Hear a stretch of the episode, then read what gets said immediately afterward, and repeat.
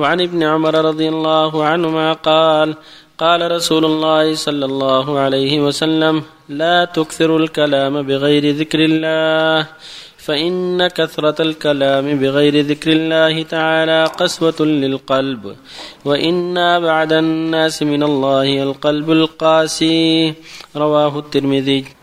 وعن أبي هريرة رضي الله عنه قال قال رسول الله صلى الله عليه وسلم من وقاه الله شر ما بين لحييه وشر ما بين رجليه دخل الجنة.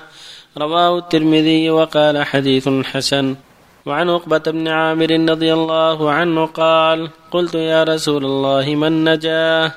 قال أمسك عليك لسانك وليسعك بيتك وابك على خطيتك رواه الترمذي وقال حديث حسن. وبالله التوفيق صلى الله عليه وسلم. صلى الله وسلم على رسول الله وعلى آله وأصحابه. ومن اهتدى بهداه أما بعد هذه الأحاديث فيها الحث على حفظ اللسان. والحذر من ورطات اللسان وشره من الغيبة والنميمة والكذب والسب وغير هذا من ورطات اللسان. الواجب حفظه والحذر من شره. ولهذا يقول صلى الله عليه وسلم لا تكثروا من الكلام بغير ذكر الله. فإن كثرة الكلام بغير ذكر الله قسوة للقلب. وإن أبعد القلوب من الله القلب القاسي. فكثرة الكلام بالقيل والقال أو الغيبة أو النميمة أو ما أشبه ذلك من الكلام الذي لا خير فيه من أسباب قسوة القلوب أو بعدها من الخير.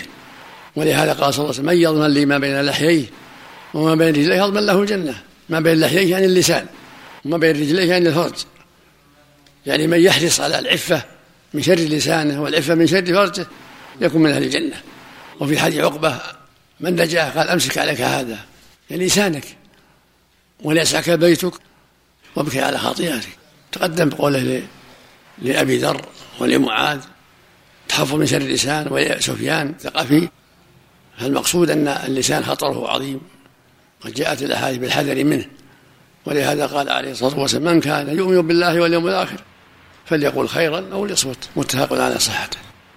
من موجبات الإيمان أن تقول خيرا أو تسكت. يعني تحرص إما أن تكلم بخير وإما أن تحفظ لسانك. حتى لا يعطبك. وهكذا جوارحك. يدك ورجلك بصرك فرجك. كل ذلك يجب الحرص على حفظه وصيانته. فالعين تزني وزناها النظر. والأذن تزني وزناها الاستماع. واللسان يزني وزناها الكلام. واليد تزني وزناها البطش. والرجل تزني وزناها المشي والفرج يصدق ذلك ويكذبه. فالواجب حفظ هذه الجوارح عن كل ما حرم الله وأن تستعمل في طاعة الله وأن يحذر الإنسان شرها ولا سيما اللسان فإنه سريع الحركة فالواجب حفظه مما حرم الله وإشغاله بما شرع الله هذا هو طريق السلامة إشغال هذا اللسان والجوارح بطاعة الله وبما أباح الله حتى تسلم من شر ذلك. ولا حول ولا قوة وفق الله الجميع هذا في يعني عند الحاجة عند الحاجة إذا كان الخروج يضره. وقات الفتن والشرور. أما إذا كان الخروج ينفع بالدعوة إلى الله والنهي المعروف والنهي عن المنكر وطلب الرزق فلا بأس. لكن عند الحاجة مثل ما في الحديث خير الناس رجل مجاهد في سبيل الله.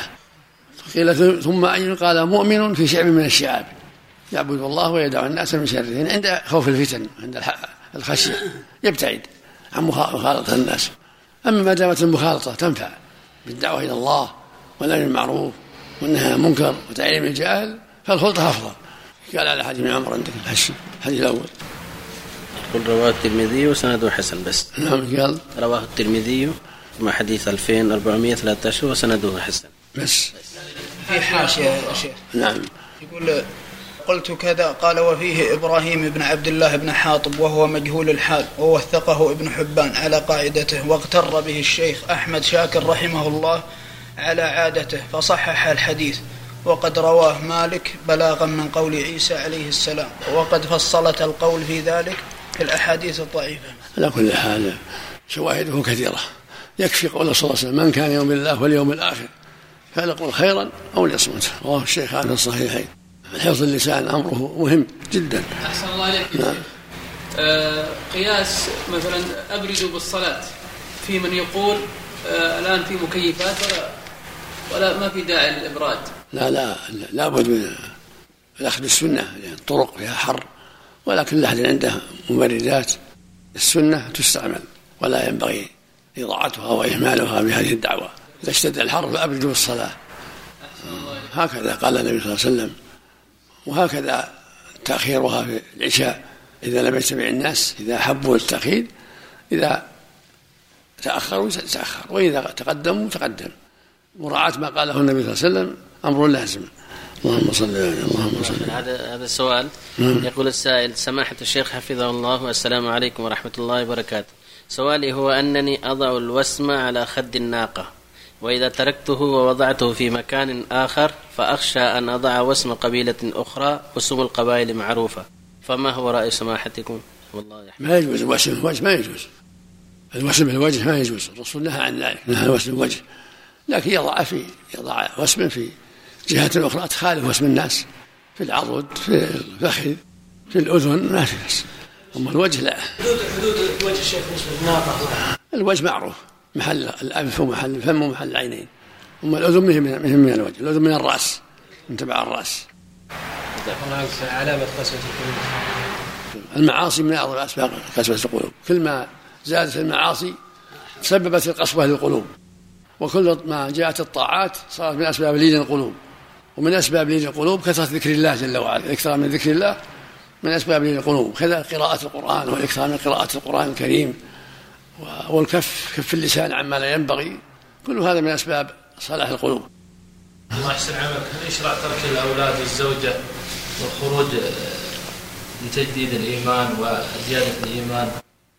يعمل ما هو أصلح يعمل ما هو الأصلح. إذا كان خروج ما يضرهم لا بأس. يسافر. وإذا كان خروج يضرهم فجهادهم فيما أولى في تعليمهم وتوجيههم وإرشادهم والخوف عليهم من الشر.